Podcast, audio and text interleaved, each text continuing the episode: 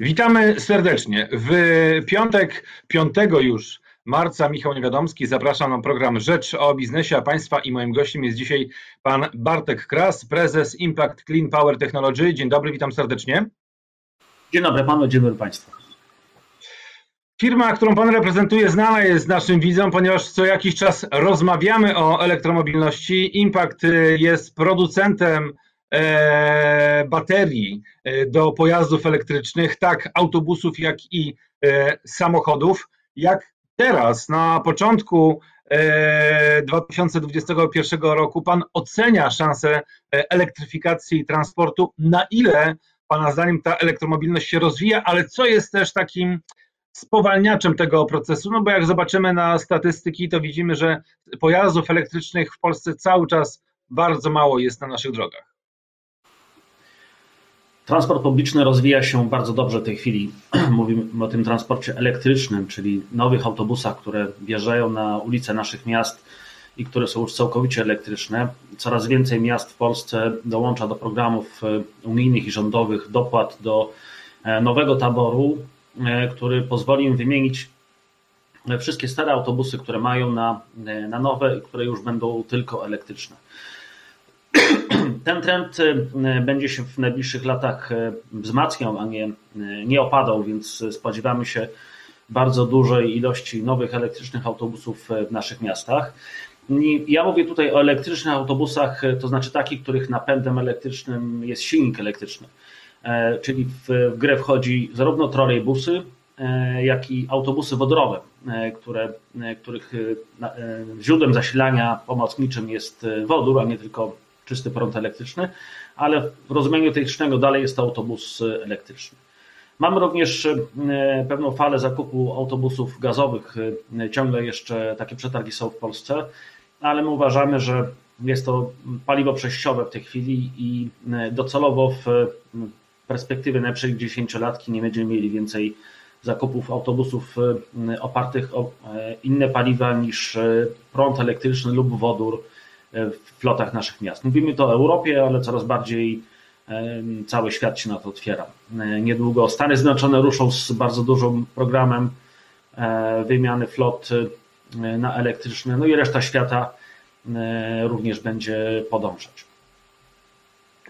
To jest jedna rzecz. Natomiast pytanie jest też o infrastrukturę, bo jak my o tym kurze i jajku, no to wiadomo, że e, e, nie, nie możemy zapominać o infrastrukturze. Ta infrastruktura będzie się e, rozwijać w tym roku, mam nadzieję, zdecydowanie szybciej, a to dzięki temu, że 800 milionów dotacji właśnie do budowy infrastruktury dla pojazdów elektrycznych przygotowuje Narodowy Fundusz Ochrony Środowiska.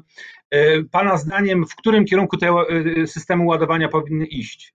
Jako szybkie ładowarki, czy też ładowarki chłodne. Jak Pana zdaniem to trzeba rozsądnie? Przygląda się Pan na całym świecie temu, jak się ta elektromobilność e, rozwija, więc jeżeli budujemy tę infrastrukturę, to popatrzmy też na to, jak inne kraje sobie z tym radziły, choćby Wielka Brytania, też lider, jeżeli chodzi o elektromobilność w Europie. W autobusach elektrycznych mamy w tej chwili dwie technologie, które równolegle radzą sobie na rynku. To jest technologia bardzo szybkiego ładowania, która jeszcze nie jest znana w samochodach osobowych, a w autobusach już jest dość powszechnie stosowana. Chociażby mamy 130 takich autobusów w Warszawie lub 45 w Zielonej Górze, w Polsce tylko.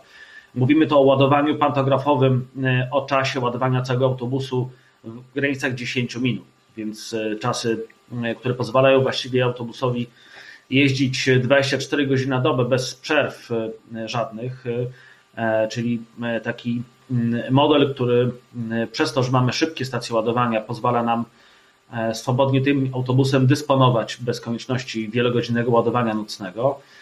Oraz drugi trend, czyli dużej gęstości energii na autobusie, ładowaniu nocnemu które umożliwia potem przejechanie tym autobusem całej trasy na tym jednym ładowaniu nocnym. Mówimy tutaj o zasięgach e, powyżej 300 km na jednym pojeździe e, dziennych. Paradoks polega na tym, że szybkie ładowanie, takie 10-minutowe, wymaga bardzo szybkich stacji ładowania, których coraz więcej powstaje w polskich miastach i nie tylko w całej Europie również, ale umożliwianie przejechania 300 km na jednym ładowaniu wynika z tego, że też duża gęstość energii, duża ilość baterii jest w jednym autobusie. Mówimy tutaj o pojemnościach rzędu 300 i 400 kWh na jednym autobusie. I taka pojemność, pomimo że te technologie nie są przystosowane do bardzo szybkiego ładowania, to przez to, że E, ta pojemność jest bardzo duża na autobusie, również umożliwiają skorzystania z tych stacji e, pantografowych e, i do ładowania tego autobusu w ciągu dnia, no może nie w ciągu 10 minut, ale w ciągu 15-20, co też jest akceptowalne i dalej wykorzystywania tych autobusów bez, bezprzerwowo w, w ciągu dnia. Oznacza to dla inwestorów stacji ładowania właściwie jasny sygnał. Warto inwestować tylko w te szybkie ładowarki w tej chwili, które e, nie dość, że rozwiązują problemy całkowicie e, szybkiego ładowania autobusów obecnych, czyli zminimalizowania postoju e, autobusu, ale również umożliwiają doładowanie klasycznych, energetycznych, można tak powiedzieć, autobusów, które ładuje się w nocy dla jezdni, ale w ciągu dnia mogą być doładowane na tych stacjach. Ponieważ inwestycje w szybkie stacje ładowania wymagają E, no, uzgodnień również z siecią energetyczną, e, więc jest to troszkę trudniejszy temat, ale z, z, naszej wiedzy e, nie ma takich problemów dzisiaj jeszcze, żeby jakikolwiek punkt, który jest potrzebny, miałby problemy z zasilaniem, z przyłączeniem mocy. Więc ja myślę, że akurat w Polsce jest ten temat dość dobrze rozpoznany i spokojnie możemy inwestować w szybkie stacje ładowania.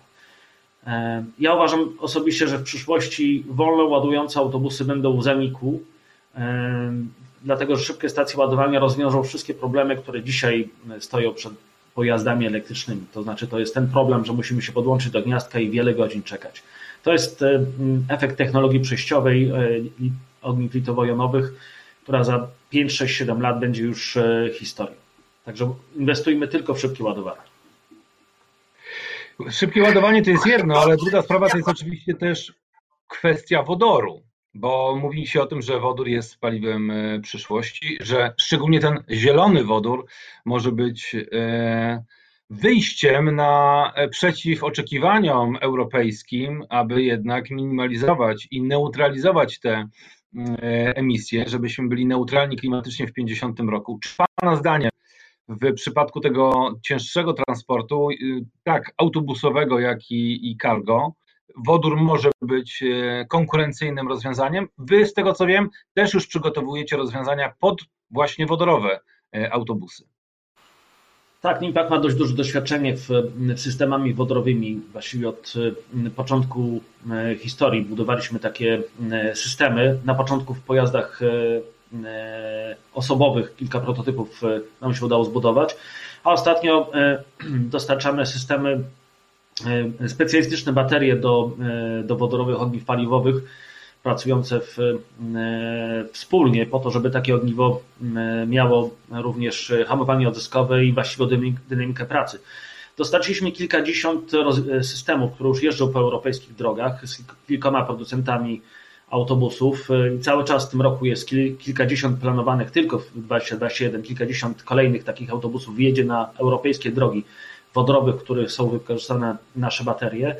Natomiast patrzymy na wodór jako, e, jako mm, nośnik energetyczny przyszłości. To jest chyba właściwie dobre słowo, bo e, żeby on stał się opłacalny e, z punktu widzenia komercyjnego, z punktu widzenia całego obiegu gospodarczego, to po pierwsze no musi być zielony, to wiemy o tym, o tym już doskonale, czyli produkowany przez elektrolizery w źródłach odnawialnych oraz e, cała gospodarka nasza musi być przestawiona, tylko nie tylko nasza, mówimy też europejskiej, na, na produkowanie tego wodoru i system wsparcia. Oznacza to niestety przejście z gazu ziemnego na wodór jako, jako całość w skali gospodarczej, a to nie jest proces na, na 2-3 lata, tylko na 10-15 lat. I to jest ten czasokres, kiedy komercyjnie te technologie e, mają szansę e, prześcignąć obecne rozwiązania e, na gazie ziemnym, bo już do, do paliw płynnych już nie, nie wrócimy prawdopodobnie w transporcie zarówno cargo, jak i, jak i osobowym, więc ten czasokres będzie bardzo długi. E, oznacza to przestawienie całych e, gałęzi gospodarek e, na wodór, bo samo paliwo wodorowe do pojazdów transportowych to trochę za mało, żeby cały ten biznes się opłacał długofalowo. Więc czeka nas 15 lat rozwoju do dojścia do gospodarki, której zastąpimy po prostu jeden czynnik drugi. Jest to dość długi, żmudny i kosztowny proces. Patrzymy na wytyczne Unii Europejskiej, widać, że w tą stronę też Unia będzie skłaniała państwa członkowskie do inwestowania. I e, tu trzymamy kciuki w impakcie, żeby ten trend w Polsce również zaistniał. Z odpowiednimi technologiami już jesteśmy gotowi, e, no i coraz więcej ciekawszych rozwiązań się pojawia na tym rynku w tej sprawie. Także dzisiaj elektryczne autobusy to, to raczej ciekawostki z dotacji. One są jeszcze ciągle bardzo drogie, a ten okres ich adopcji e, i, i transportu cargo, czyli ciężarówek oraz dużych, dużych traków e, przewożących towar na duże odległości na wodór, to jest okres następnych 15 lat.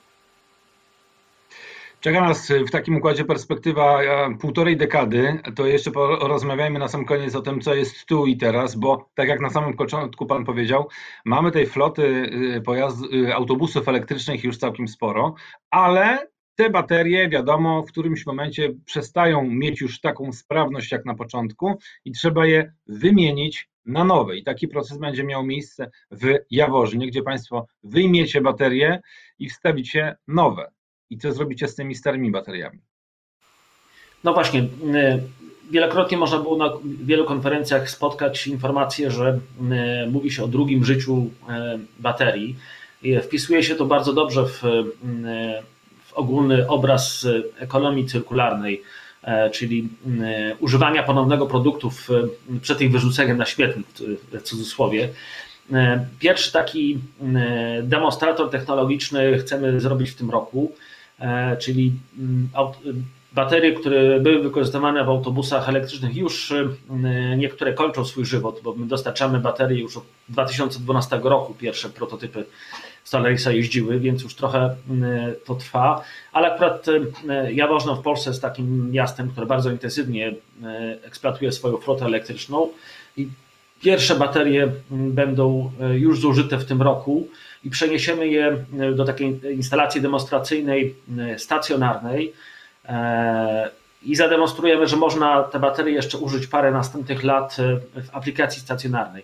E, która będzie wspomagać sieć, wspomagać fotowoltaikę e, i mm, dzięki temu, że e, one zostaną mm, przełożone do magazynu stacjonarnego, będzie można wypracować nowy model biznesowy przenoszenia takich baterii w przyszłości również. Impact tylko w 2020 roku dostarczył ponad 1700 kontenerów bateryjnych na rynek autobusów elektrycznych na całym świecie. E, to możemy sobie wyobrazić, e, jak dużo instalacji e, fotowoltaicznych z magazynami będzie można w przyszłości z tego zasilać. Takim modelu, jak go nazywam, bezkapeksowym albo niskokapeksowym, to znaczy bez, bez konieczności inwestowania przez właścicieli farm fotowoltaicznych lub instalacji OZE w infrastrukturę magazynową, która dzisiaj jest bardzo droga. Także ten model będziemy rozwijać. A wy wiecie dokładnie, jaka bateria ma jaką sprawność? Macie to jakoś opo opomiarowane, czy to jest taka terra incognita, wyjmiecie i dopiero będziecie wiedzieli, z czym macie do czynienia? No to jest jeden z naszych kluczowych elementów technologicznych. Baterie w pojazdach w większości monitorujemy. E, mamy e, bazę danych w chmurze e, o przebiegu prawie 75 milionów kilometrów wszystkich naszych baterii, które jeżdżą gdzieś po świecie. Każda z tych baterii ma swój numer, swoją, swoją szufladkę danych i swój profil eksploatacyjny. To jest e, gigantyczna baza danych, którą dysponujemy i z której będziemy korzystać e, w tym e, second life, tak zwanym baterii. Także mamy technologię, która pozwoli nam ustawić tą baterię zupełnie inaczej niż pracował w autobusie i efektywnie wykorzystać pozostałą jej pojemność w innych obszarach eksploatacyjnych niż była w autobusie, wykorzystać ją w magazynie stacjonarnym jeszcze przez długie lata. Tak mówię, ten pierwszy projekt demonstracyjny w, w Tauronie nam odpowie na mnóstwo pytań instalacyjnych i takich z punktu widzenia praktycznego, ale przygotowujemy się z, na przyszłość właśnie z takim podejściem używania ponownego produktów, które już zostały wprowadzone na rynek, które wiemy jak były eksploatowane, i które będziemy e, doskonale umieli ustawić i sterować nimi w przyszłości. To jest e, Przewaga, którą, którą mamy dzięki temu, że no, jeździ kilkanaście tysięcy takich kontenerów bateryjnych naszych po świecie, które wszystkie będziemy wycofywać i zamiast kosztownej utylizacji będziemy je używać w większości w tak zwanym second life, czyli magazynach stacjonarnych. Bardzo ciekawy pomysł biznesowy. Trzymamy kciuki, żeby się udało, no bo magazynowanie energii, szczególnie w przypadku źródeł zależnych od pogody, jest e, kluczowe i jest w stanie ustabilizować pracę systemu, a o to przecież nam wszystkim chodzi. Bardzo dziękuję za dzisiejsze spotkanie, bardzo dziękuję za rozmowę. Bartek Kras, prezes Impact Clean Power Technology, był Państwa i moim gościem w programie Rzecz o Biznesie. Michał Niewiadomski, dziękuję i do zobaczenia. Dziękuję Państwu i też do widzenia.